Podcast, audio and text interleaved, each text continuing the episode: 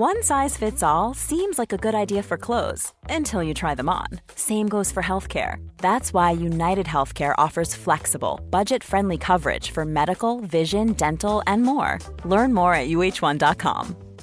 Everyone knows therapy is great for solving problems, but getting therapy has its own problems too, like finding the right therapist, fitting into their schedule, and of course, the cost. Well, BetterHelp can solve those problems. It's totally online and built around your schedule. It's surprisingly affordable too.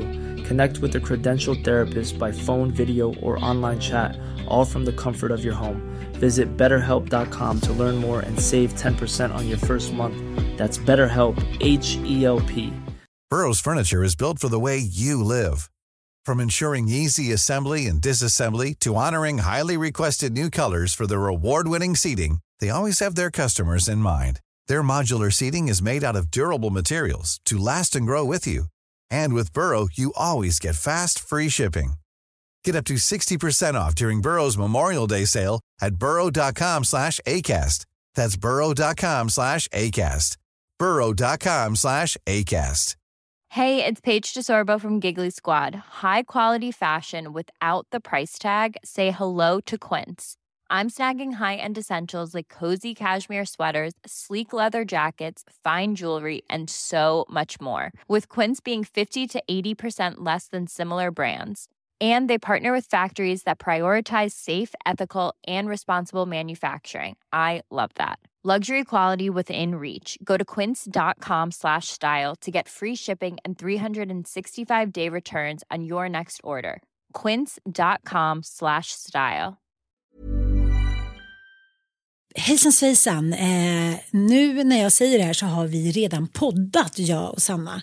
Och i slutet av podden så säger vi att vi vill i nästa podd svara på alla era frågor. Vi ska ha en frågepodd. För Sanna sa den här podden är bara en skärva av vårt liv.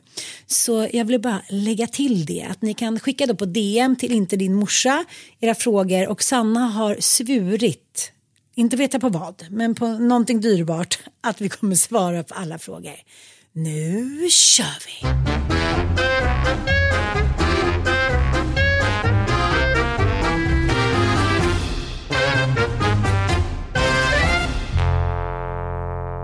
Hej och välkomna till Inte din morsa. Jag måste bara läsa upp, för jag fick precis ett DM från en lyssnare. Mm. Hej, haha Ann Södlund, vi var på samma kryssning.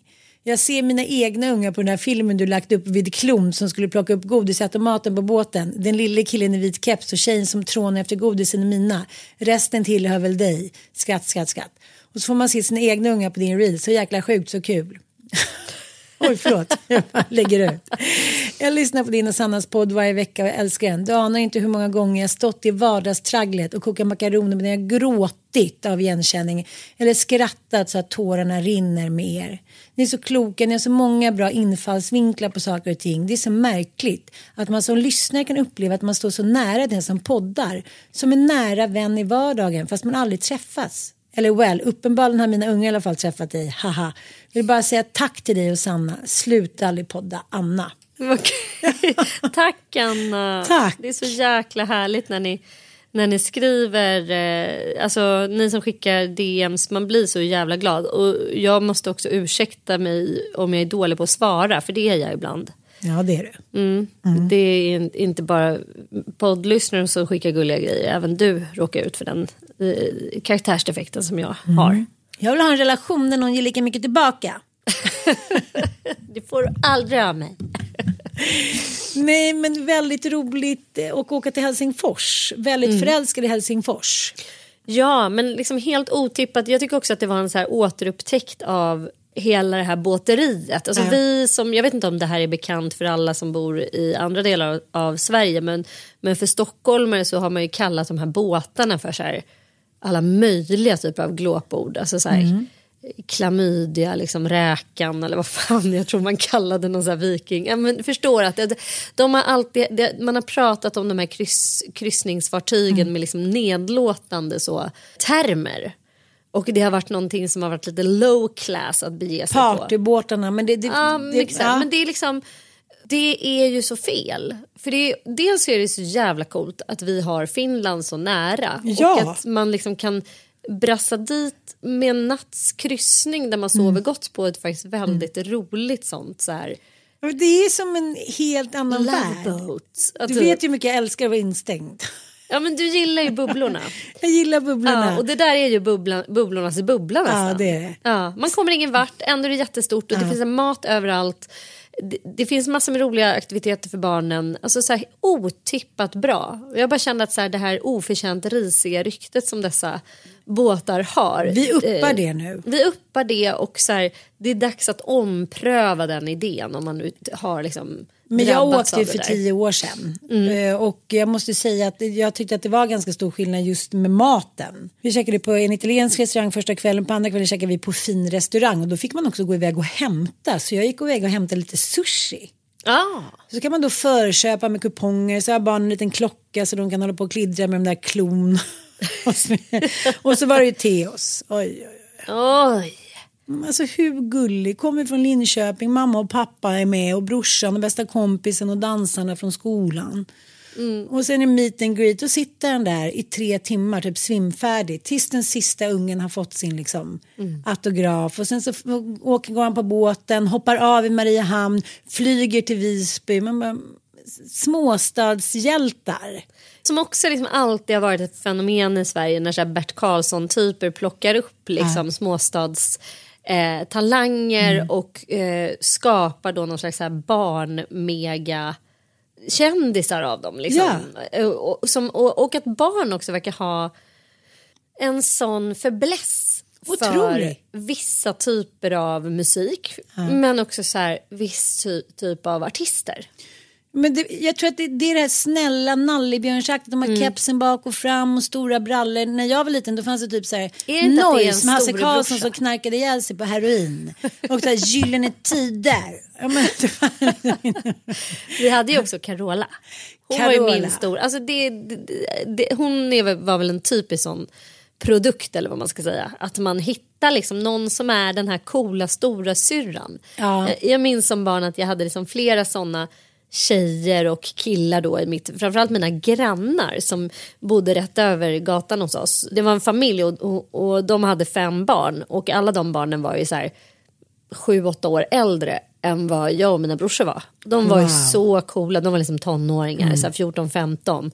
Då när jag var 5-6. Men var de snälla mot er eller De var var det så här så douchebags tonåringar som bara säger vad du skitunge. Nej jag kommer ihåg att vi liksom bara gick över, knackade på och bara Är Eva hemma? Är Annie hemma? Och så vi, hade de en liten chinchilla och de kunde alltid så komma ut och spela lite badminton eller Alltså man fick typ bara stå och hänga där i deras rum ungefär fast de gjorde andra saker. Det var liksom, Det var tillräckligt stort. Ja, det var man satt och såg sina gudar. Man bara, ja, man bara, allsmäktig tystnad. Ja. Så de hade tre killar då. Bobo, Hansa och Jan. Nej vänta, fasen vilken hette den tredje?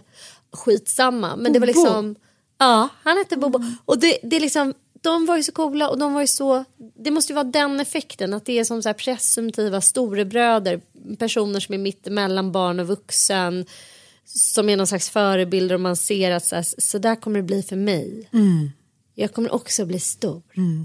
Och så kände ju Lotta, min Reiseleiter. Ja. Det är också underbart att resa med henne. Det Att hon är flygvärdinna också. Ja, så men det är så stabil. här, man bara, men gud, du, har med, du och dina två döttrar har med er så här, mer grejer än vad jag skulle ha för en tre månaders kryssning. liksom. På Maldiverna typ. Och det finns alltid mumma och makeup och små godisgrejer. Och, det är faktiskt väldigt, väldigt roligt att åka med någon som är så olik en själv. Ja. Med dig är det väldigt härligt att resa för vi är på samma liksom, frekvens. Vi, vi, vi är ganska coola när vi reser tillsammans. Liksom. Ja, men det här blir väl bra hur det än blir. Vi är så här, nöjda. Men jag minns också så här, jag pratade med min brorsa om det, om så här, vissa nycklar som har på något sätt trillat ner i ens liv. När man bara, aha. Så här. Allt ifrån att man är barn är väldigt rädd för någonting. Och sen så bara är det en tanke som på något sätt befriar en från rädslan. Ja. Men det här är i alla fall en nyckel. Jag kommer ihåg när jag var ute och reste med en av mina bästa barndomskompisar och vi var ju de här enorma pack, packerskorna. Aha. Du vet att man skriver listor innan och så, så packar man liksom en väska som är så jävla tung att bära. På, liksom, och så ska man ändå hålla på den för den får inte vara för tung Nej, för då får man nej. betala övervikt. Men liksom man har med sig allt ifrån så här hårinpackningar till borstar till eh, ansiktsmasker. Och, så här. och då kommer jag ihåg att hennes stora syster gav mig en sån där nyckel. Hon bara, jag förstår inte vad ni släpar med Alltså jag tar bara med mig en sarong, resten kan man ju köpa där. Man bara, resten, resten kan man köpa, ja det är klart att man kan köpa det där och det är oftast liksom billigare att köpa en hårinpackning än att släpa med sig någon som ska så här, läcka i hela ens väska. Nej jag vet, nej, alltså så så mycket aldrig varit. saker och också så här med barn när jag ser människor som kommer som ska resa med sina bebisar som har med sig bilbarnstol, en bugaboo-vagn som har med sig liksom babysitters. Det är liksom så jävla mycket grejer som den- ska med. Och man bara, du ska alltså till en strand i Thailand. Mm. Ni tror inte att de har bebisar där? Det är inte så att... Alltså, som jag, köpte ju en resesäng en gång. Ja, en resesäng. Nej, Nej, men det är den mest idiot. sjuka produkt som Ja. Existerar. Och det trodde man typ att man var tvungen att ha Mm. när man fick sitt första barn. Look at the family kommer jag ihåg att de sa i Mexiko, peka på Look at that, they're like moving. Cirkus Sädelen verkligen. Så här, tre ungar på samma vagn, typ all, lika gamla liksom. Och så här, resevagnar och resesängar. Och en man som var så här, tyckte att det här var mardrömmen på jorden.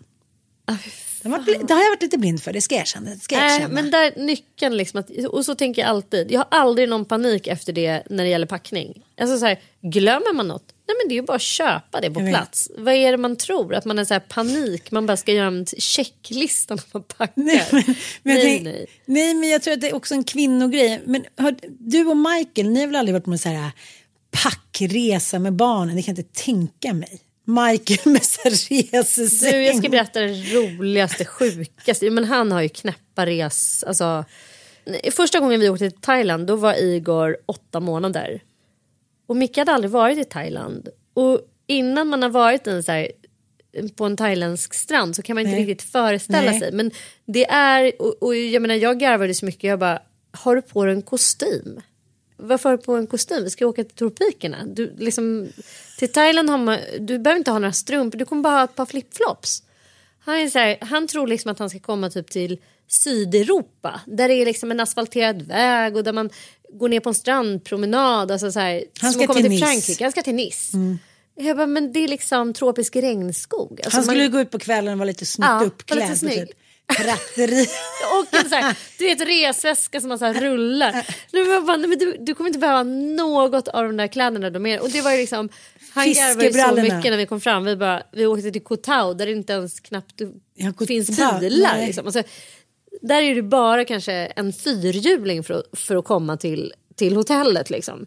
Och man bodde i så här, du vet, kojor i träden. Typ. Och där Mm. Kommer han med sin Gunvald-rock och kostym och en rullväska som en så här businessman. så här, det är liksom till exempel inte alltid läge att ta med sig elektronik ens till sådana Nej, platser. nej. För att så här, det är sand överallt och bor man i en bunge liksom på Koh Och så hela så- tiden elen går. Elen går, det går inte att ladda Ja, Mm. ja. saker. Varför ska man ens ta med sig då så här, jag har tagit med min DVD. Nej men du fattar. Jag fattar. Det var, men, jo, så han har verkligen varit en packare. det skulle vara roligt men hur gick det sen då? För jag har ju också haft en exman som eh, ja, gärna ville att det skulle vara lite ordning och reda. Och där, Thailand var, liksom, tog ju fram kanske det mest primitiva i honom. Det var som att han var där på sin egen resa. När han träffade en massa människor som han tyckte var otroligt härliga att hänga med och som var liksom lite likasinnade. Mm. liksom. Det är väldigt mycket hippiekänsla Ja, där. verkligen. Så reggae-bar ska finns på ju på full moon party typ. Man bara, men vad roligt, Ja. jag är gravid med vårt andra barn och ligger här och du eh, och har liksom en, en 14 månaders. Ändå bara, har det så kul typ. Nej för fan de där nätterna man har legat och väntat. Åh, jag vill aldrig mer vara med om det alltså. Nej, du var stabil. Men sen överlag, och det här är någonting jag har hört. Jag vet inte om det stämmer för alla som har eh, bipol bipolär diagnos. Men att det är liksom utmanande med eh, tidszoner och eh, liksom att bara plötsligt byta klimat och sådär. Mhm. Vi hade ju en annan resa där, som inte var något bra. Man säger så. Ja. En annan Thailandsresa. Vi ska inte gå in på några detaljer här. Men, men där kan vi säga att där, där var det också en helt egen resa. Som han befann sig på. Precis. Ja. Eh, men Och, jag tänker också det här med fordonen för våra, eh, ja men även Ja, det finns ju ex. mycket fordon, Mycket fordon. mm, på obehagliga Ja. sätt där i det landet. Där man kan eh, liksom mycket hyra triggers olika... för Det är mycket bipolära triggers. människor, Ja, ja. Mycket triggers för liksom all typ av dyss också. Det är många dyssade personer som också typ checkar ut, gör en exit och åker dit. Alltså så, så Mm. många sådana som jag har träffat eh, i Thailand faktiskt. Och det, liksom, jag reste till Thailand första gången när jag var 19, var där i tre månader och sen har jag ju varit tillbaka så här långresor. Men alltid att man träffar de här, så här någon miljardär från Great Britain Mm. som sitter och bara röker weed i någon sån här hängmatta i ett halvår. Eller i vattnet och kastar typ. frisbee. Nej, jag har bara sagt upp mig från allt. Jag ska bli dykinstruktör nu. Liksom. Ska... I met the German. Bara, ja, du har bytt språkbruk. liksom, och det där liksom, det enkla i det där tropiska, att det är, så här, det är fuktigt, varmt, det är sensuellt, det finns liksom droger, stränder. Ingen är dömande. Alkohol hela tiden också. Ingen är dömande. Ingen är dömande. Det finns alkohol överallt och det är också så en väldigt speciell... Ja, Det är den här primitiva känslan som, som jag också älskar med Thailand. Att det inte är asfalterade liksom, Mm. trottoarer utan att det är... Det, man blir så här jordad när man är där. Man är i det här i den här sanden, i det här Mm. havet, i den här jorden på något sätt. Och allting är bara så här varmt, man blir som helt omsluten av naturen på ett helt magiskt sätt.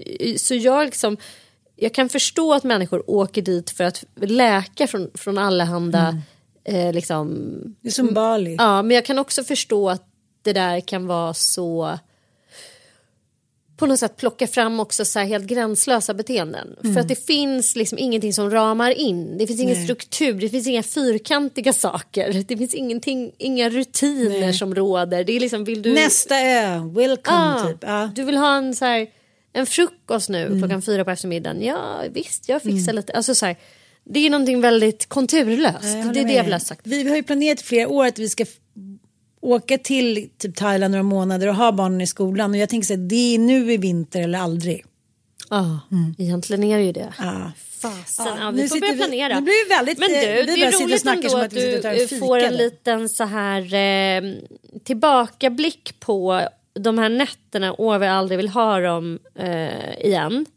Jag har precis läst en krönika som Linda Skugge har begått igen. Begått. Hon har begått en krönika. Det är verkligen så. Hon har inte bara skrivit en Jag krönika. vill bara mena en att de här ångest, liksom, när man är så sårbar, man väntar ett barn, man har ett litet barn, Mm. man så här, gud jag kan verkligen ång- ångra att jag har liksom varit så jävla tillåtande. Jaha, du ska fira att vi fick ett barn och det här gäller inte min nuvarande så det ska jag verkligen inte säga. Eh, men säg, ja du kommer hem sex på morgonen. Man bara, okej men här ligger jag. Eh, då går jag upp med barnen där. Eh, glad kexchoklad typ så här. Istället Ja, men det är det, Nej. nu vill jag säga det är precis det här hon Och du vet precis skriver vad jag om. menar. Ja, ja, ja, jag vet precis. Och det vet eh, Linda också. Linda har skrivit, eh, igår publicerades hennes eh, text då i Amelia. Hon har ju faktiskt spottat det som vi var väldigt tidiga med. Eh, den här uh, nyfeministiska vågen eller liksom tradwives, hemmafru-idealet som Ja. så många influencers då saluför. Linda skriver då i sin text om det här men hon vill liksom visa så här, hon själv bloggade ju när hennes barn var små. Ja. Och hon inleder så här. Min pappa fick aldrig gå någonstans utan att fota lite blommor, fåglar eller någon natur. Vilken som helst. Bilder jag sen la ut på Sveriges då största blogg. Större än Carl Bildts. Märk Min väl. pappa, säger hon det? Hennes pappa ja. Jaha. Lyssna vidare här nu. Ja, jag gjorde det för att framstå som en hurtig förortsmamma som ständigt bakade, åkte långfärdsskridskor, pulka eller skidor med de tre telningarna. Ugnspannkakan låg alltid och växte i ugnen medan jag skjutsade dem till allt från gymnastiken till friidrotten eller körsången på diverse högmässor i någon av de medeltida kyrkorna i den burna norra Stockholmsförorten. Mamma skötte mitt matgig där jag la ut veckomatsedlar med tillhörande smakfulla bilder plåtat på porslin från Svenskt Tenn.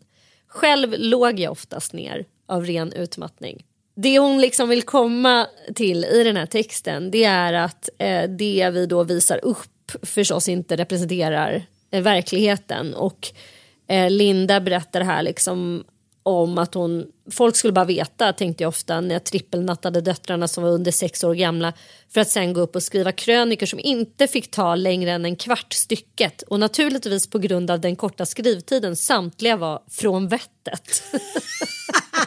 jag bara känner igen mig så mycket. Att man liksom inte hinner Man hinner liksom inte eh, ens typ korrläsa Nej. texten. Man bara, att ingen någonsin upptäckte att jag hade för mycket uppdrag för en person att mäkta med. Ja. Och sen intervjuar hon då Anna Björklund i den här texten. Hon kallar dem för beigeklädda eh, med vita läppar. Journalisten och författarinnan. Ja, Ja. som vi, vi, har, vi har pratat om henne. Hon har en och har ju lyft också. Mm. henne också. Så här. Hon har skrivit eh, Kvinnomanualen. Och egentligen det som jag tycker är så fantastiskt med Linda Skugge när hon skriver, oavsett om det är krönikor eller som det här är ju någon slags eh, kåserande reportage med. Liksom, hon har ju naturligtvis någon slags åsikt här men det är liksom att hon väldigt sällan kommer till, någon conclusion. Det är liksom inte det att hon vill så här Förstår du? Det är, väldigt, det är inte så svartvitt, det är inte så tydligt. Det var så här det var. det, det var så här det Ja. var. Och det är också väldigt mycket så här, så var det för henne. Mm. Men Anna Björklund menar ju verkligen att så har inte hon det. Hon vill bara leva ett eh, hyfsat liksom, harmoniskt liv. Och så eh, säger hon liksom att jag känner mig ofta som en kvinna i något tidigt bondesamhället som typ passar på att jobba lite mellan krystverkarna. Men jag tror det passar mig ganska bra. Jag tror att det är bra att ha saker att göra. Och Linda skriver sen så kul att hon liksom under den här intervjun med Anna börjar anteckna saker. Eh, skammen att leva som fejk, skammen att skydda ett svart hål till odugling för att man så gärna vill leva i en kärnfamilj. Och liksom det är där hon landar någonstans här. att Väldigt mycket av det här tradwiffandet och hennes eget liksom bloggande Men kommer inte du ihåg 90-tal. det här att jag var så här, vad fan hände med Linda Skugge? Hon Mm. håller på med sina mat, li, liksom listor, det ska vara ordning och reda på de där ungarna. Men det här är helt omöjligt för hennes man var ju aldrig närvarande. Nej, och det är det hon kommer till här. det gick ju liksom. inte ihop, det går Nej. ju inte ihop. Nej, om hon kommer till någon typ av slutsats här det är ju att män ofta är liksom så här, alltså hon beskriver ju, hon, lev, hon har ju levt tillsammans med en eh, alkoholist och det framgår ju av den här texten men hon liksom tänker på Moa Martinsson som också är liksom Ja men alla hennes böcker handlar ju om att män är liksom fullständiga oduglingar som antingen super ner sig, eh, super bort alla pengar eller i slutändan tar livet av sig. Och Sigrid Undset också bara får skriva på nätterna. Märta Tikkanen får skriva på nätterna. Så varenda jävla kvinnlig författare egentligen har fått lajva det här hemmafrulivet på något sätt och ska vara liksom utåt sett skydda det här det här manssvinet för att den här kärnfamiljsvurmen har varit så jävla Stark. stark liksom. Fortfarande är. Ja, och det, det är fortfarande en sån otroligt stark Mer än kraft. någonsin tycker jag. Vet du? Ja.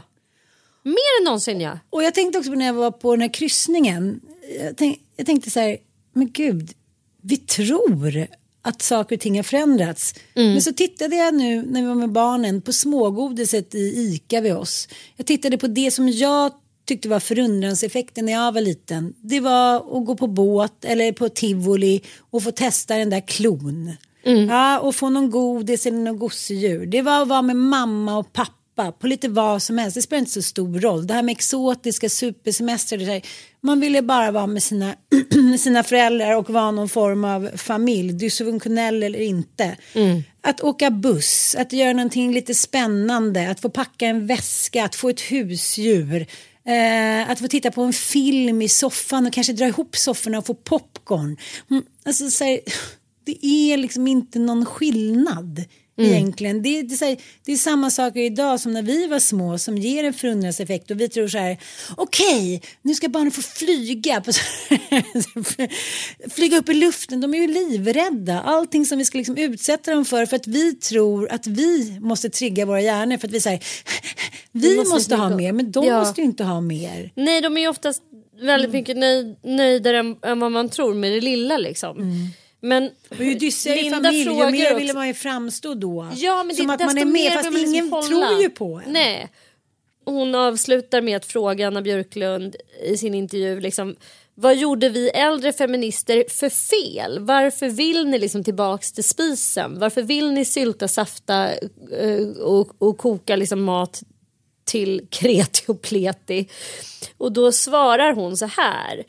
Ja, men det, det är väl det där med att det skulle vara så himla fritt och härligt att byta partner varje dag. Jag får ångest av bara tanken. Eller att heltidsanställningar skulle vara så himla självförverkligande. Förstod ni inte hur tråkiga jobb de flesta faktiskt har? Och då skriver Linda så här, byta partners. Talade vi någonsin om det? Vi talade väl mest om att se till att bli ekonomiskt oberoende av sin partner. Att på dagen kunna dra med barnen vid våld eller bara för att man ville lämna. Men det lyckades nog ingen bli, alltså utom jag. Jag antecknar att vara den enda som blir rikare av att skilja sig. Det svarta hålet slutar kosta att till sist bli fri.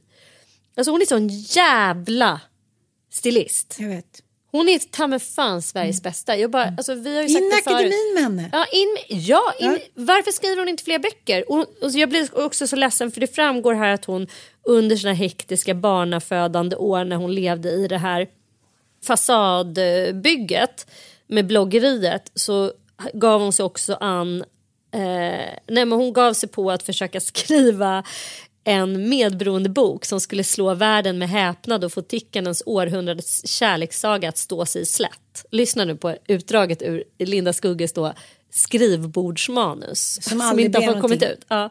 Jag älskar dig när du packar dina grejer i en sopsäck. Jag älskar dig när du super upp mitt stipendium. Jag älskar dig när du super upp semesterkassan. Jag älskar när du inte står för mig. Jag älskar dig när du skäms för mig.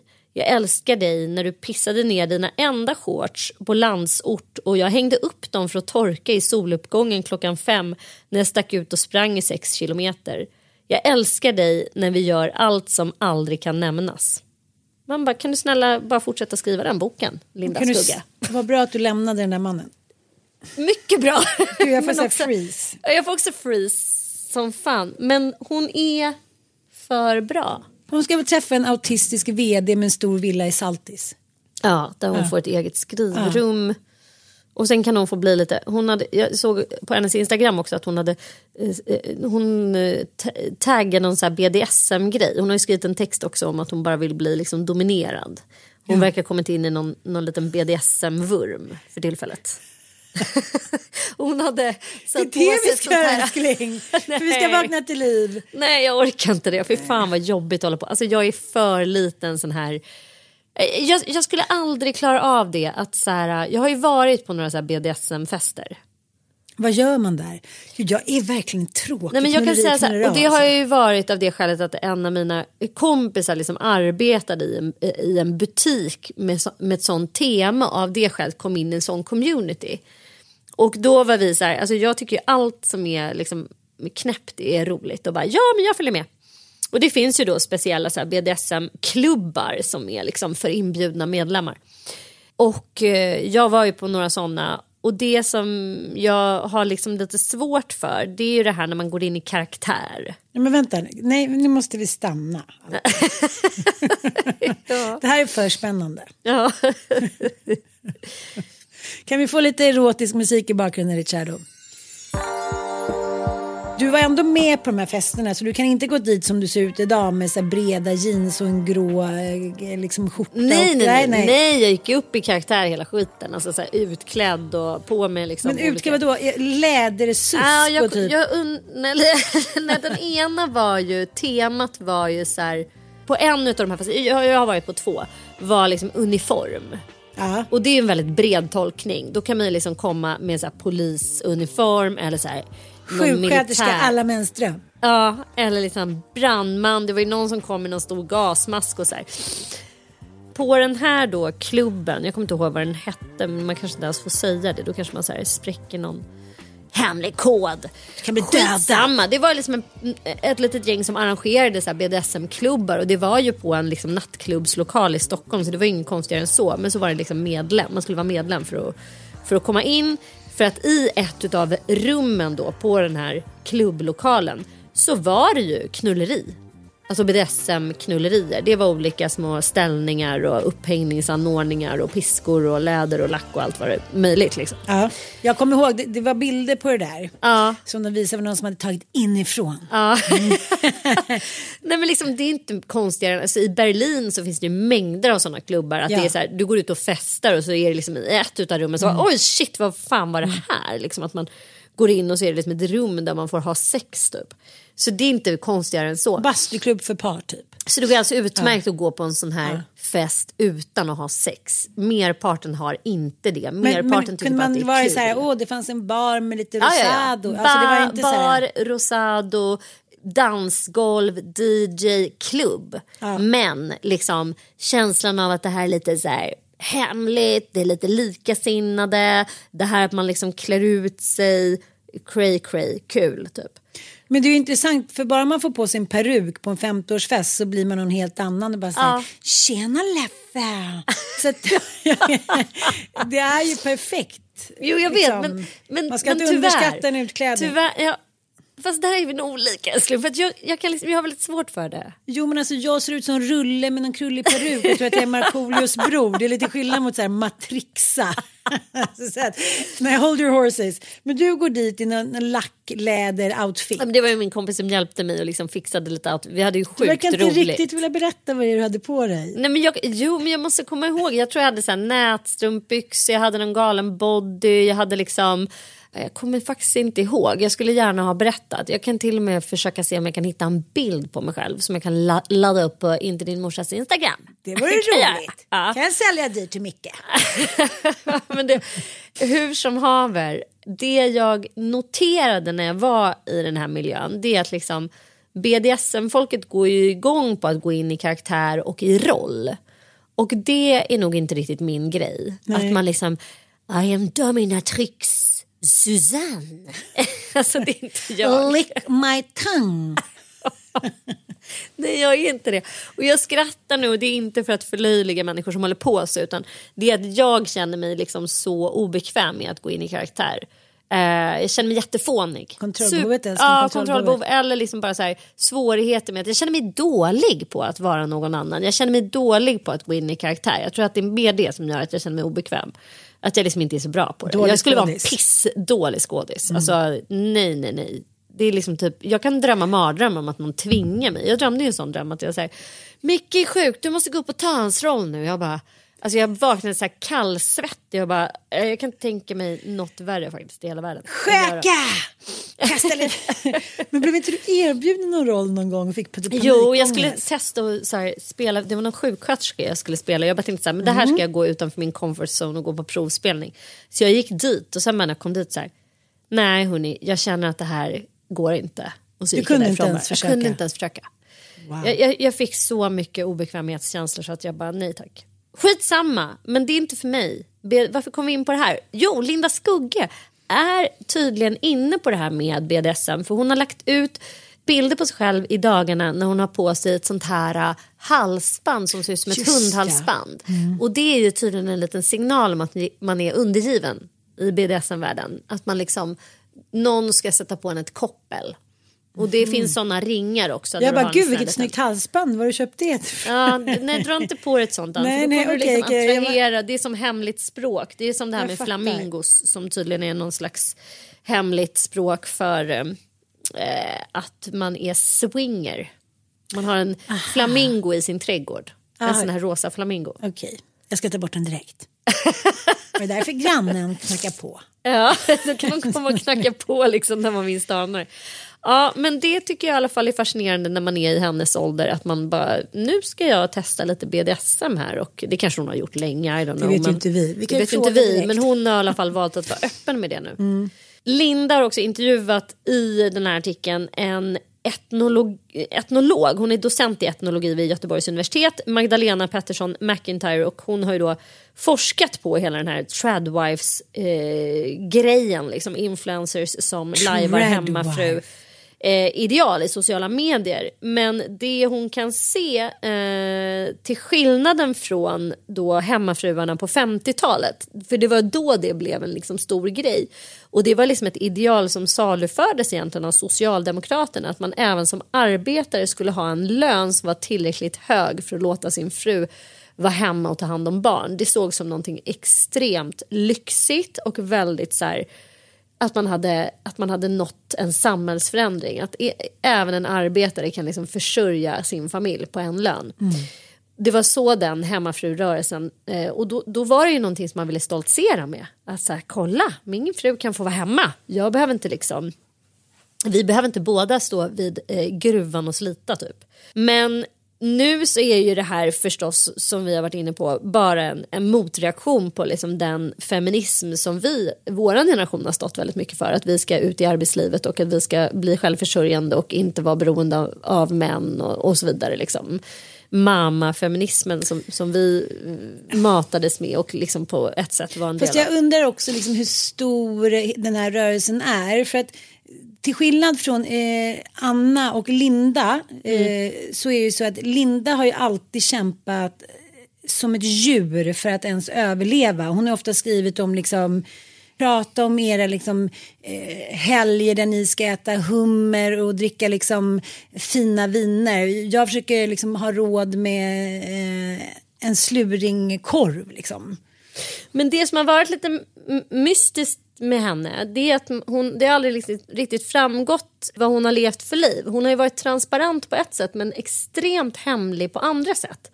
Det här med att hon har haft dåligt med pengar det tycker jag har varit så senaste fem sex åren. Före dess så var, då startade ju hon Vulkanförlag och hon var ju värsta så här Det gav businessbruden. pengar. Nej men det fattade man ju inte Nej, då. nej. Mm. Hon framstod ju ändå som att hon var, det kanske du visste bakom kulisserna men utåt sett så framstod hon ju bara som att hon var liksom en framgångsrik krönikör, eh, författare och sen också förläggare. Ja. Eh, och hon höll väl också på med något sånt där internet, liksom så här bloggportal eller något, Mm, någonting sånt där tror jag hon också var liksom inblandad i.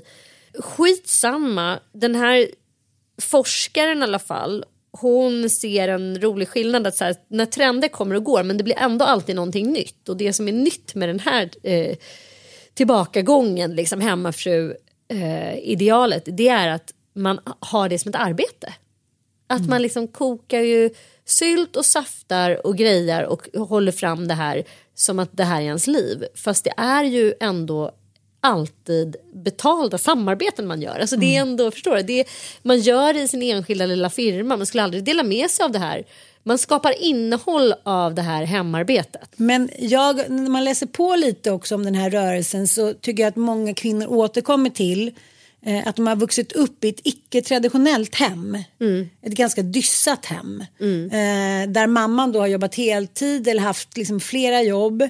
Och sen så ändå kommit hem och varit tvungen att så här, städa, ta hand om barnen, tvätta och som liksom värdelös karl. Lite som Linda Skugge pratar om. Liksom. Att det blir en sån motpart, jag, jag är inte intresserad av att ha barn. Och sen så får även göra den där skiten på övertid. Och det är ju det som händer nu att vi föder färre och färre barn. Ja. Och jag läste någon artikel i DN häromdagen och det var så nej jag har steriliserat mig, vi valde bort barn och det är bara en ekonomisk grej.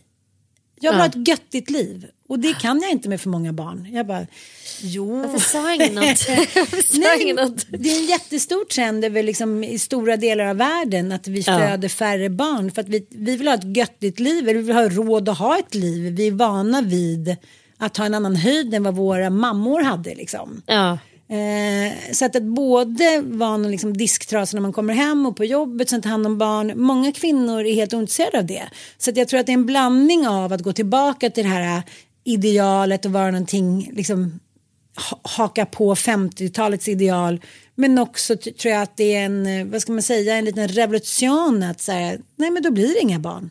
Inte om inte du steppar upp. Ja.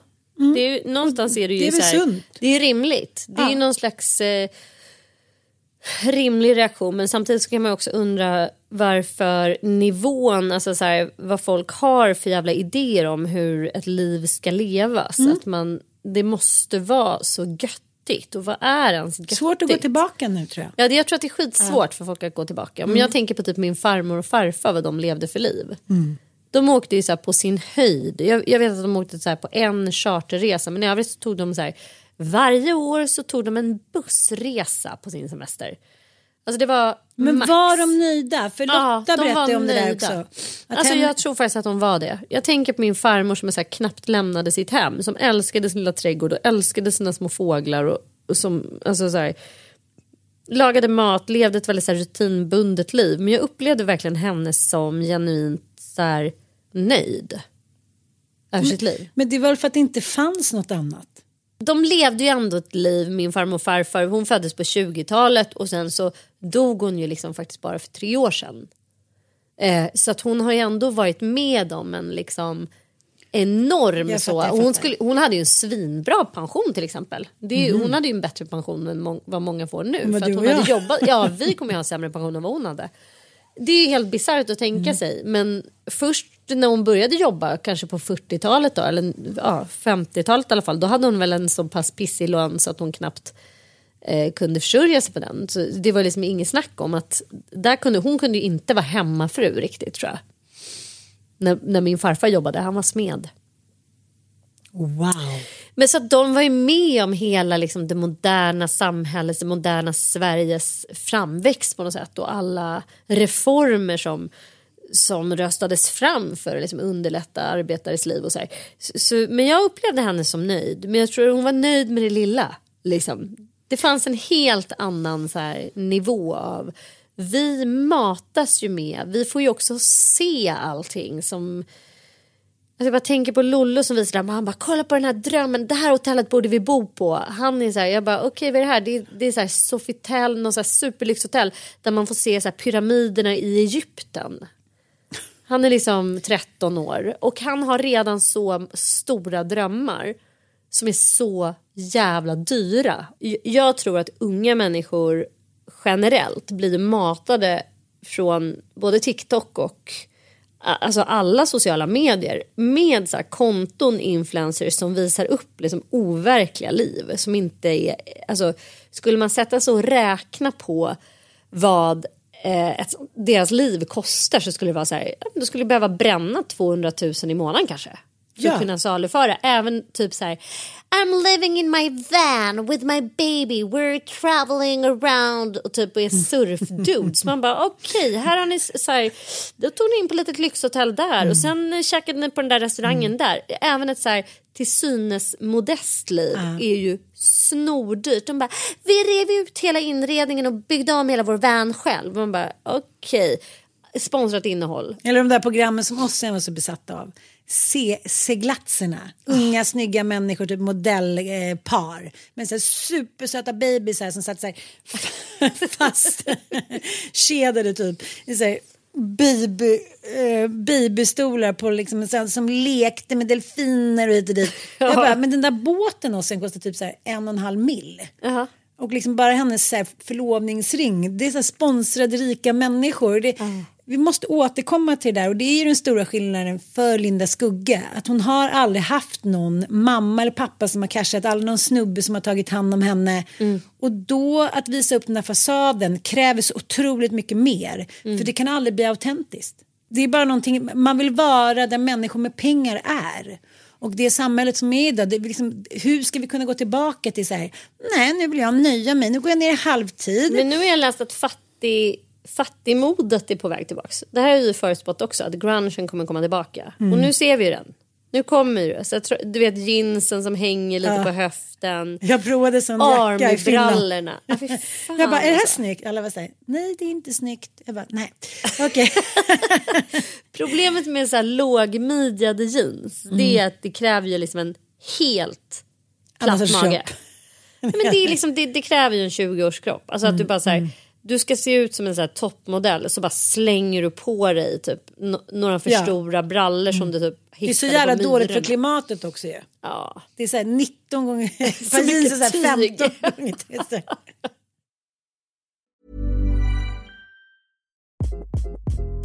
Hi, this is Craig Robinson from Ways to Win, and support for this podcast comes from Invesco QQQ, the official ETF of the NCAA. The future isn't scary. Not realizing its potential, however, could be. Just like on the recruiting trail, I've seen potential come in many forms as a coach. Learn more at Invesco.com slash QQQ. Let's rethink possibility. Invesco Distributors, Inc. Millions of people have lost weight with personalized plans from Noom, like Evan, who can't stand salads and still lost 50 pounds. Salads, generally, for most people, are the easy button, right? For me, that wasn't an option. I never really was a salad guy. That's just not who I am. But Noom worked for me. Get your personalized plan today at Noom.com. Real Noom user compensated to provide their story. In four weeks, the typical Noom user can expect to lose one to two pounds per week. Individual results may vary. When you're ready to pop the question, the last thing you want to do is second guess the ring. At Bluenile.com, you can design a one of a kind ring with the ease and convenience of shopping online. Choose your diamond and setting. When you find the one, you'll get it delivered right to your door. Go to Bluenile.com and use promo code LISTEN to get $50 off your purchase of $500 or more. That's code LISTEN at Bluenile.com for $50 off your purchase. Bluenile.com code LISTEN. Hey, it's Paige DeSorbo from Giggly Squad. High quality fashion without the price tag. Say hello to Quince. I'm snagging high-end essentials like cozy cashmere sweaters, sleek leather jackets, fine jewelry, and so much more. With Quince being 50 to 80% less than similar brands. And they partner with factories that prioritize safe, ethical, and responsible manufacturing. I love that. Luxury quality within reach. Go to quince.com slash style to get free shipping and 365-day returns on your next order. quince.com slash style.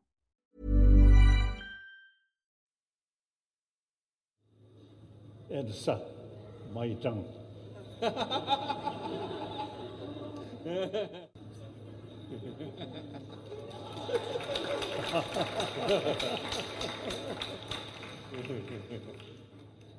Jag är upprörd. Över vad? Jag hörde inte ens vad det var. Nej men det är den här Dalai Lama Suck My Tongue. Suck my tongue, vad är det? Ja. Vad är det här? Jag har Eh, missat. Ja men Dalai Lama är ju eh, sedan många år tillbaka världens eh, mest kända och populära andliga ledare. Mm. Ja. Eh, han har ju träffat alla från Richard Gere. Det var ett jävla fuss about him Ja, för ett- några år sedan. Det Ja. var väldigt så här, alla skulle liksom ansluta sig till Mm. den tibetanska buddhismen. Och det var väl både Richard Gere men Tina Turner var ju liksom också väldigt så saluförd i buddhismen åt honom. Ja, Mm. men träffade inte prinsessa Victoria honom och grej. Ja, han är i alla fall, han har ju varit också väldigt ekumenisk, alltså så här gräns liksom så överskridande Ja. och så här nått ut till väldigt många och ehm, mm, väldigt Han har haft spännande. podd och han har liksom pratat, han pratar inför tusentals människor. Han, he's a superstar. Ja, ja, gud ja. Och eh, i februari då så var han på ett eh, ja, litet konvent då eh, och eh, i Indien. Och det som har kommit ut då på Twitter är eh, han sitter då med en ung pojke. Hur gammal kan pojken vara? Ja, men kanske 12 år gammal. Och eh, ja, men de kramas och det, det är liksom lite goselos och sådär. Och de skrattar och de gnuggar näsa och så här. So far so good. Fast jag tycker ändå, nej jag tycker kanske inte att det är rätt att en så här 12-årig pojke ska sitta så här gosa med en, en gammal gubbe. Hur andlig han än är. Och då så gör Dalai Lama sig suck my tongue och den där pojken så skrattar och tittar runt och sen så suger han då på Dalais tunga. Jaha. Ja. Eh, och när här kom ut då så har ju, ja, folk har ju gått i taket såklart. Och nu har Dalai Lama då bett om ursäkt för att det här hände. Pressmeddelande då så ber han om ursäkt till pojken och hans familj och alla hans vänner då runt om i världen. Han ångrar att han gjorde så här. Men då blir då ska alla börja försvara honom då. Eh, men, eh, The East Asian Study säger då att det här är, eh, men det här är ett traditionellt sätt att visa respekt för, för andra människor i Asien, i, ja, men, den tibetanska kulturen. Och då bara känner jag igen här, du vet, jag får så ont i magen att in the name of religion så kan man så här, bete sig hur som helst. Till och med när man är Dalai Lama. Att det sitter liksom en liten pojke som resten av sitt liv då ska bli känd för att han sög på den här 87-åriga andliga ledarens tunga. Och då kände jag bara så här, aldrig mer att jag ska se något av mina barn eller något annat barn så här, säg hej då nu och ge en kram. Säg Åh, förstår du vad jag menar? Mm, gud ja. För så var det ju liksom, så har det ju varit hela ens liv att så här, eh, krama onkel Eero nu eller så här, sätt dig i Mm. farbror och onkels knä och alltså Alltså jag har aldrig ens uppmanat mina barn till att någonsin krama någon. Alltså, och jag har ofta fått höra så här, åh vad blyga de är, så här, mm. för att de inte är liksom tillgängliga eh, för främlingar. Och, och jag tänker att så här, jag, jag har alltid tolkat det som någonting bra. Ja. Eh, och helt naturligt. Alltså Ja. vem vill vara fysiskt nära någon som man inte känner? Det är väl en ganska rimlig reaktion tänker jag. Så eh, vi känner inte varandra, jag vet inte vem du är. Jag vet inte liksom, om du är ond Översätt det till typ. vuxen. Gå till Ja. någon här 200-årig gubbe på en krog. Vill du gå fram och Nej, suga hans tunga eller? alltså, gå fram och krama dem. För det är så kränkande att bestämma Ja, vad någon ska ja, göra. verkligen. Rent, liksom, integritetskränkande. Ja. Att bestämma vad ens barn ska göra med, med sin affekt eller med sin, med sin kropp. Men eh, skitsamma, min farmor blev så otroligt kränkt, ap- apropå min nöjda farmor. Så här, när jag kom dit med Igor och Lo som Absolut. Ingen av mina bebisar har gillat att sitta hos främmande människor. Du vet man har en så här sex månaders. Vissa bebisar kan tydligen vara så att man bara kan sätta dem i vilket knä som helst. Ingen av mina bebisar har varit så. Bobo var väl så. "Ah!" Alla är så här, när de är åtta månader då kommer separationsfasen. Mina barn har varit så från att de har fötts. Mm. Alltså att det, är väl, det går inte att bara lämna dem till någon annans famn. Då blir det direkt så här. Mm. Då började ju då Igor eller vad det var gråta när jag satte honom kanske ett år i farmors famn. Så här liksom. Och hon blev så sur. Ah, så Ja. sårad. Så sårad. Vad är det för fel på pojken? Ja. Mm. Så här, ja, typ att jag inte hade liksom lärt honom att man skulle vara tillgänglig Ah. för äldre människor som vill gosa med dem. Alltså det är så bisarrt. Mm. Och jag vet att jag hade så här dubbla känslor inför det för jag ville liksom göra henne nöjd med det här Såklart. besöket och att hon skulle liksom få Göra ut någonting nöjd. av det. Så här. Men så sjukt Mm. egentligen. Och nu känner jag att jag skulle liksom bara aldrig ens eh, sätta ett barn i knät på någon som de inte känner. Det är Men så här, nej men du får ju lära känna honom först. Men jag tror att det, vi liksom, det, det ligger till grund för så mycket som har blivit så jävla fel tror jag. Det här att göra andra nöjda. Jag tycker, Ja. Om vi går tillbaka till det som vi pratade om innan med Linda Skugge. Och, man säger, andra människor måste vara nöjda med det liv man lever. För annars får man inte vara med. i dess Ja, såhär, ja. i, i liksom essensform på något sätt. Att man bara okej men gud då ska jag liksom såhär, skapa mina barn och uppfostra mina barn så att andra människor ska vara nöjda med dem. Mm. För att andra människor ska liksom palla med att typ ha mycket, äh, jag vet inte det är någonting så Men det är också så orättvist om man ska liksom gå tillbaka till det som Melinda Skugge till exempel. Att det är så få som går ut med psykisk ohälsa med medberoende, det skitiga medberoende, förstår du lite vad jag Mm. menar? Med lögnen, med den eviga liksom kampen att så här, då får jag jobba på nätterna och då får jag stå i att aldrig kanske få skapa det man var ämnad för att skapa. Det är, liksom hemligheter. li- Det är fortfarande väldigt mycket hemligheter. Eh, även om vi lever ett jättemycket mer öppet. Eh, på vägen hit så hörde jag Lotta Bromé eh, har ju nu rattat in sig Ja. själv på Mix Megapol. Ja, jag lyssnar. Ja, och jag måste säga att jag är, liksom imponerad över att hon håller så här SR-klass i Mix Megapol. Varför? menar? Nej, men liksom så här, i, I kommersiell radio så är de så himla så här, nej du kan inte snacka i mer än två minuter. Mm. Mycket du, då skratt tappar också. vi liksom, ja det ska vara snabba puckar, det får inte vara fördjupningar, det ska liksom musik ska Mm, in, du har en speciell format för att inte tappa lyssning och så här. Men hon bjuder ju in liksom Mm. politiker, hon kör verkligen som P4 Extra fast det är Mm. på Mix Megapol. Bromé efter tre tror jag det heter. Och hon bjöd ju då in Linda Bengtzing som ju nu liksom i en, i en intervju om att hon har haft ett pissjobbigt år. Hon har ju dels brottats med bröstcancer och sen har hon en, ett barn som har en ADHD-diagnos och inte får rätt hjälp. Och det här är en stor kampanj som faktiskt vår moderstidning Femina driver nu. Liksom BUP-upproret att det är så många barn som står i kö till BUP och eh, så många som inte får hjälp. Ja. Och att vi liksom har en skola som inte förmår ge rätt resurser trots att barn faktiskt har rätt till det enligt skollagen. Och hon var liksom så jävla förtvivlad. Hon, hon, hon var... Jag, jag kom in i intervjun och så hörde jag inte vem det var jag kunde inte gissa mig till vem det var. Och så blev jag så chockad när eh, Lotta bara, ah, vi, efter, eh, efter nyheterna så får vi höra mer av eh, Linda Bengtzing. Jag bara, Linda Bengtzing, för hon var så arg. Hon var så liksom frustrerad, förtvivlad, så ledsen. Hon svor, hon var liksom, hon var så fed up på att se sin pojke lida liksom, eh, på något sätt. Och då tänkte jag också på det att så här, jävlar vad hon också bara utåt sett har sett ut som en sån här Joho! Klackarna i taket, eh, en liten så här melloslager och så är allt toppen liksom. Eh, men att det ofta finns liksom i alla människors liv såklart sorger som kommer och går men också så här när man lever, jag tror inte hon kanske medvetet har hållit fasad och det var väl först nu som hon sa så här, jag har inte velat prata om det här först nu när jag förstår att så här, nu finns det en möjlighet att få till stånd en förändring. Därför vill jag dela med mig av att jag är liksom en av alla de här föräldrarna. Och jag tänkte på det också när jag lyssnade på Alex och Sigges podd. Eh, jag tror att det var Svenska Dagbladet eller var det DN som hade gjort liksom en ordentlig liksom kartläggning av alla deras poddavsnitt.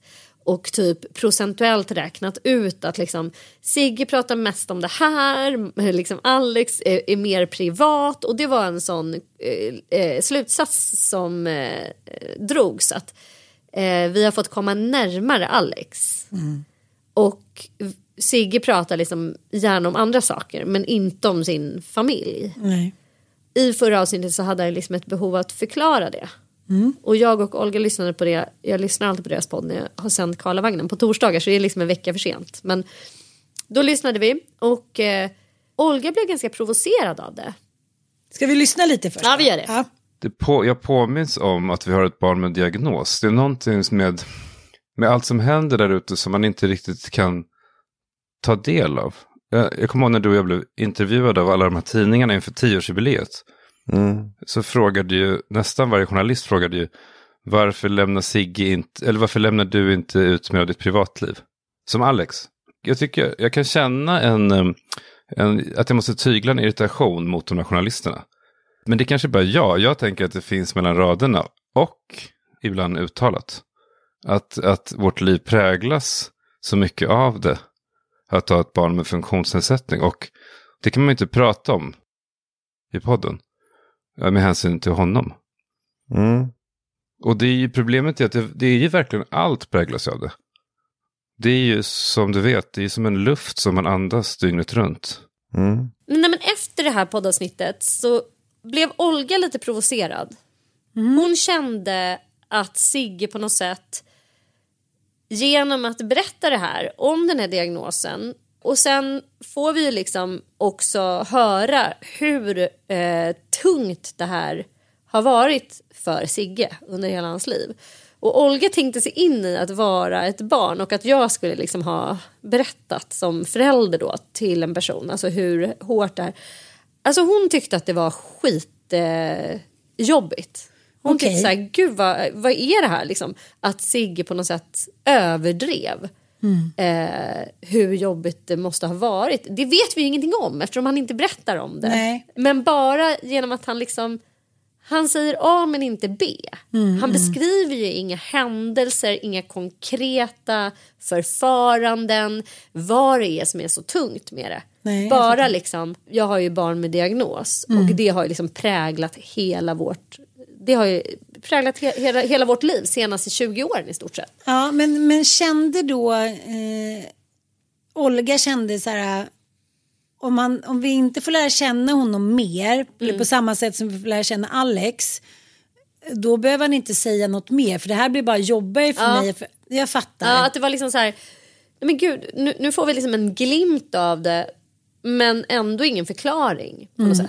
Det räckte inte med förklaringen vi har en diagnos i familjen på något sätt. Nej, men, men, men det, det här är liksom, tycker jag hela problemet i att alla eh, ska vara liksom så personliga nu för tiden och liksom berätta om det som händer i sin familj, att man gör content på allting. Ja, men Det var ju det Margot det och även jag föll på egen eh, retorik där. att så här, Man har kanske inte längre de liksom skygglapparna eller tanken på att säga, ja, var det här rätt eller fel? Fast Kan jag dela tänker också er? att man ska göra skillnad på content och liksom skapande och journalistik. Och det är väl där det liksom blir som en enda stor blurry mess. Mm. Att så här, Alex Schulman är ju både journalist men också författare.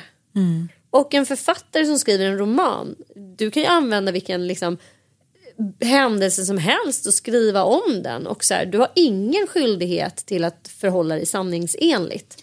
Romanen är skyddad på det sättet. Det var ju därför Felicia Fält kunde skriva om sin Mm. egen mamma. Det här är en roman. Felicia försvann.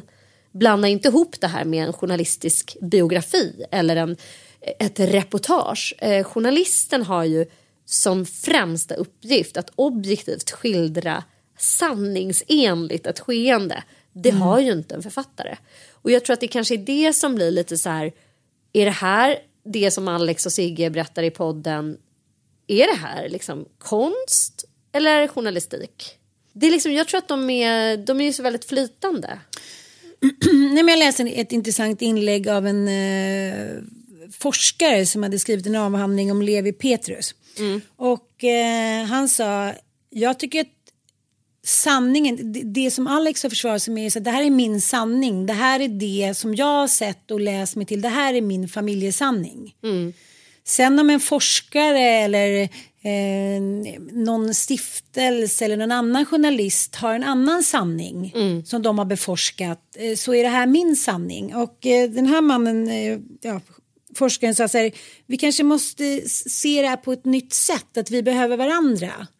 Att forskaren tillför liksom, eh, ja men kanske har beforskat det på ett annat sätt medan den personliga författaren eh, vet någonting annat. Att man Mm. kan säga, istället för att det ska vara så här, jag är forskare och du är författare eh, så, så blir det en helt ny och nyanserad bild. Mm. Och sen så, eh, ja det är så här, vems sanning är det då? Det här är ju Alex sanning, han har ju inte suttit och hittat på. Men, men det är också svårt när man sitter och skriver tycker jag. Man, här, man drar sig iväg med saker. Man, man, allt är ju så personligt. Man är ju bara sina känslor. Det är som viskleken. När jag tänker på min barndom och sitter och pratar med min syster så har vi helt olika uppfattningar. Så att, eh, men jag tycker Men så är det. Det berättar Ja. faktiskt en, en granne till mig som är gammal krimreporter på Mm. Expressen. Hon har ju läst otaliga liksom förhör och vittnesutlåtanden och, och sånt. Och hon sa så här, man drar, drar alltid öronen åt sig när vittnen berättar en väldigt samstämmig berättelse. Eh, Det är då man fattar att de har ljugit ihop någonting. Ja. Därför att här, om fem personer kommer in och berättar liksom, ah, det var en röd bil som kom in och parkerade exakt där eh, och där klev det ut en huvudförsedd man med en AK47 och alltså, alla berättar exakt samma förlopp, exakt samma liksom har kommit ihåg eh, visuellt hur det här såg ut. Ja, men då vet man att man har pratat ihop sig om. Därför att människor minns saker på helt olika sätt och lägger märke till helt olika detaljer. Så någon minns den röda bilen. Någon minns huvan på jackan. Den andra minns hur det här vapnet såg ut. Eh, det är väldigt sällan som man liksom lägger märke till varenda detalj. Som efter en utekväll. Ja, typ. ja. Ja. men det är rätt spännande. Och det Alla är säger lite väl fulla, ja. väldigt mycket om alla egentligen så här, när vi ska återge minnen eller berättelser eller skapa liksom en berättelse om vad är det som har hänt här egentligen. Om man dessutom går in på då affekter, alltså hur man har upplevt saker känslomässigt, då, då blir det ännu mer komplicerat. Att så här, det här var, och, och det, det är intressant eh, för just nu eh, så har jag haft en diskussion med några av mina barndomskompisar om innehåll i vår podd. Ja. För att jag har ju berättat vid några tillfällen om saker som har hänt i våra tonår och eh, för mig är det, det är min sanning. Det är ju liksom så här upplevde jag det. Bland annat avsnittet om vår skoltid eller min skoltid. Att jag liksom har omdefinierat det.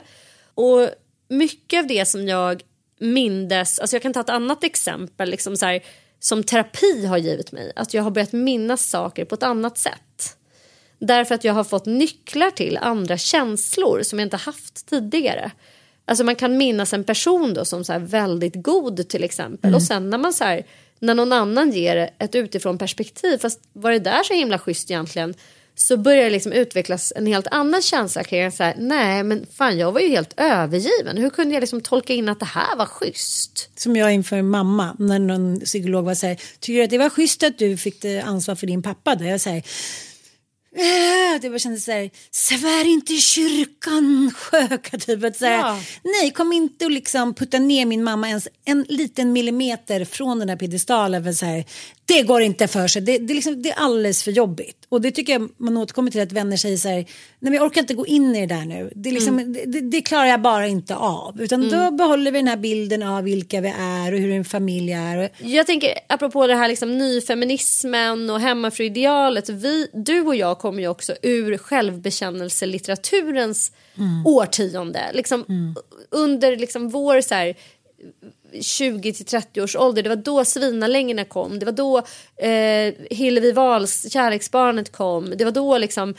den här självbekännelselitteraturen med jaget i fokus och den, den egna upplevelsen och att verkligen dechiffrera hemligheter och lägga upp dem på bordet och säga det här är det som hände. Fuck you, jag vägrar hålla käften. Och det har ju liksom hållit i sig läx varenda sommarprat nu. Att man ska här, slänga upp det värsta traumat man någonsin har haft och så ska man bara så här out in the air. Typ. jag vann Ja, över och dig. där, typ. Där, där märker jag liksom en motreaktion hos min, alltså hos Olgas generation. Att de är Mm. så här, eh, jag, vet inte, så här, jag vet inte om jag ville veta allt det där som du var så himla tydlig med. Det är ju någonting som hon har varit eh, kritisk mot i mitt föräldraskap. Att hon tycker att jag har varit för transparent. Mhm. Att jag har berättat för mycket. Att så här, jag vill inte liksom höra om de där grejerna. Jag, jag vill inte veta allt det där. Jag, jag tyckte inte liksom att jag var mogen eh, för det. Fattar. Och det är skitintressant för jag upplevde det precis tvärtom. Att jag hade massa vuxna människor som inte sa ett smack. Alltså som inte hjälpte mig att tolka mina upplevelser. Som inte hjälpte mig att förklara vad världen så att säga bestod av. Eh, och, det är ju, det, det, jag kan ju inte, alltså jag, säger, jag fattar att det finns eh, två sidor av myntet. Att det, är liksom, det är klart att man kan få för mycket information också. På samma sätt som man kan få för lite. Klipp Och till att liksom- ingen av mina söner de lägger upp så en grej var tredje år på sina Instagram. De säger nej, Ja, de tycker att du har varit oversharing. Ja nu räcker det Deluxe. liksom. Ja. Ja. Och sen är det lite min hand på Bali. Jag var så här, lägg, ut, lägg ut strandbilder, lägg ut. Mamma vill se typ. Då skickar ju han till mig. Men Ilon har ett inlägg och Dante också ett inlägg bara tror jag. De är så här, det har blivit en overload. Och, eh, Motreaktion. ja, och, det, och det får man ju verkligen respektera. Men jag tror att när man är mitt inne i en process då är det dumt att prata om det också. Det har vi pratat om innan när jag, när jag separerade från min, mitt ex de här 63 gångerna.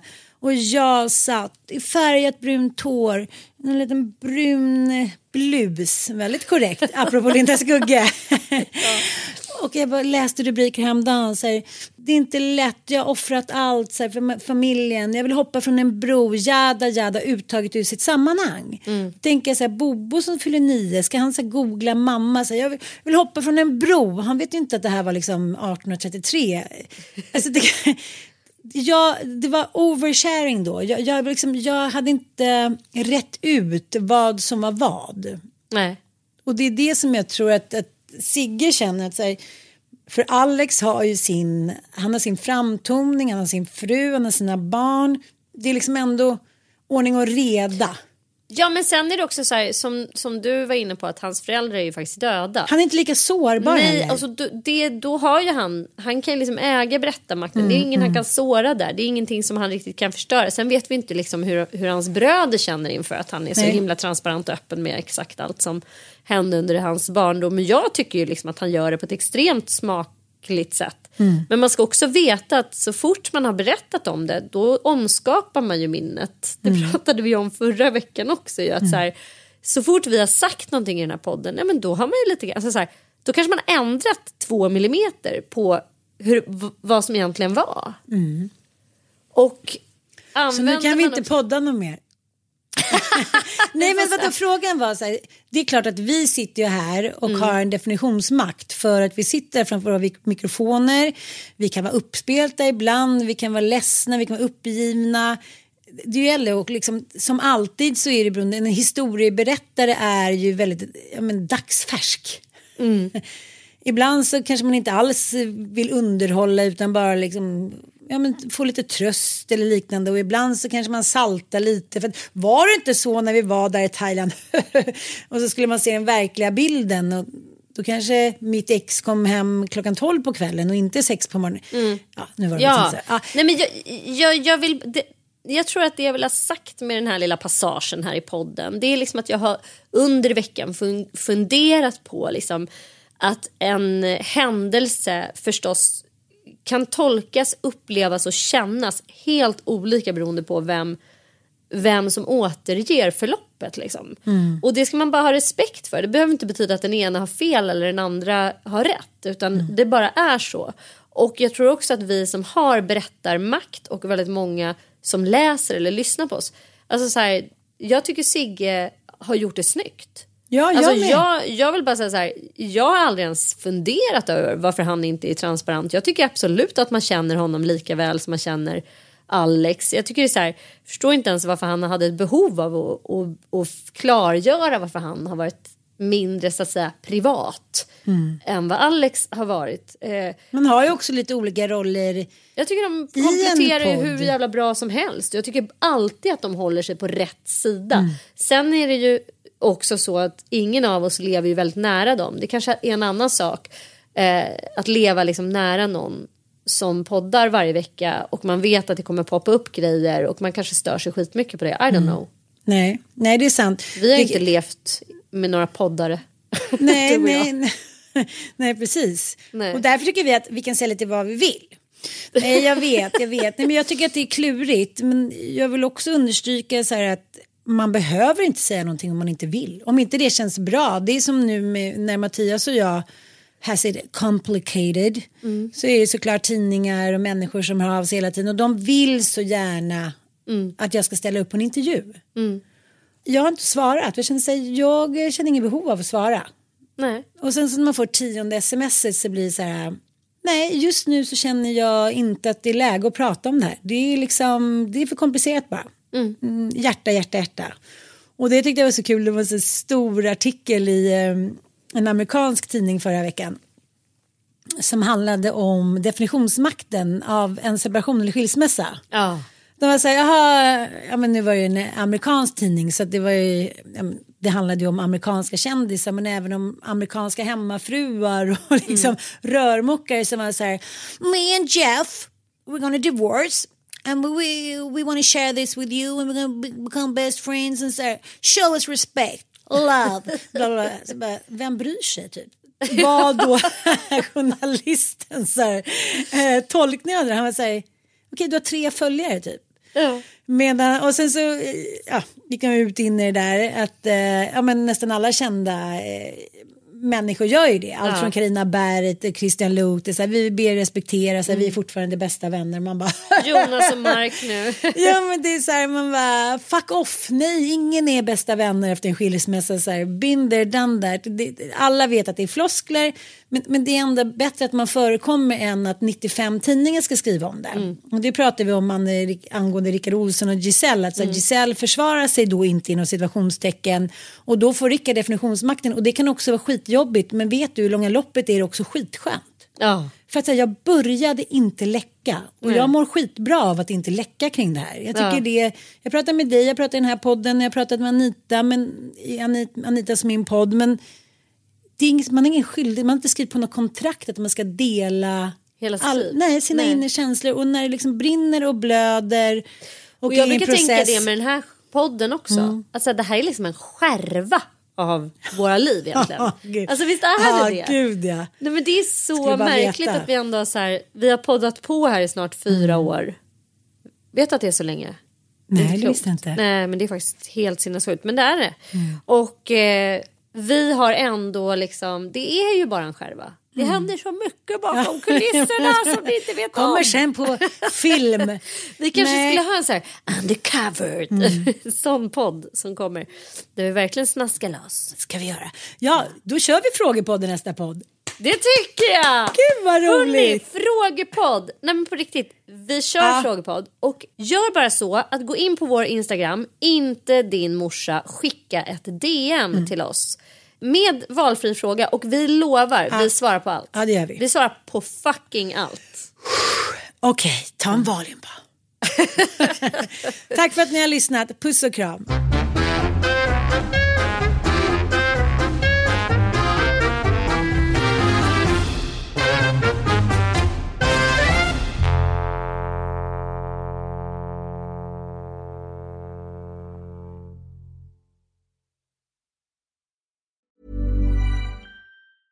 Hey, it's Paige DeSorbo from Giggly Squad. High quality fashion without the price tag. Say hello to Quince. I'm snagging high-end essentials like cozy cashmere sweaters, sleek leather jackets, fine jewelry, and so much more. With Quince being 50 to 80% less than similar brands. And they partner with factories that prioritize safe, ethical, and responsible manufacturing. I love that. Luxury quality within reach. Go to quince.com slash style to get free shipping and 365 day returns on your next order. Quince.com slash style. Imagine the softest sheets you've ever felt. Now imagine them getting even softer over time. That's what you'll feel with Bowl and Branch's organic cotton sheets. In a recent customer survey, 96% replied that Bowl and Branch sheets get softer with every wash. Start getting your best night's sleep in these sheets that get softer and softer for years to come. Try their sheets with a 30-night guarantee. Plus, get 15% off your first order at bowlandbranch.com. Code BUTTERY. Exclusions apply. See site for details. Hi, I'm Daniel, founder of Pretty Litter. Cats and cat owners deserve better than any old fashioned litter. That's why I teamed up with scientists and veterinarians to create Pretty Litter. Its innovative crystal formula has superior odor control and weighs up to 80% less than clay litter. Pretty Litter even monitors health by changing colors to help detect early signs of potential illness. It's the world's smartest kitty litter. Go to prettylitter.com and use code ACAST for 20% off your first order and a free cat toy. Terms and conditions apply. See site for details.